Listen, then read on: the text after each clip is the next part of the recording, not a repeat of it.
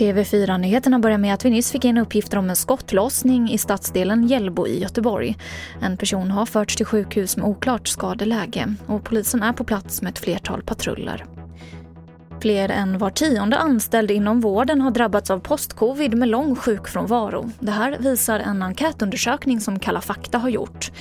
Och nu kräver Vårdförbundet att de ska få arbetsskadeersättning eftersom de flesta drabbade menar att de smittats på jobbet. Vi går in med en begäran till regeringen och socialförsäkringsministern om arbetsskadeersättningen. Den är viktig, eh, att medlemmarna faktiskt inte förlorar ekonomiskt på att de har satts i frontlinjen. Det sa Sineva Riberio som är ordförande på Vårdförbundet. Och jag avslutar med att telefonsamtalen och chattsamtalen till jourhavande präst har ökat kraftigt under pandemin.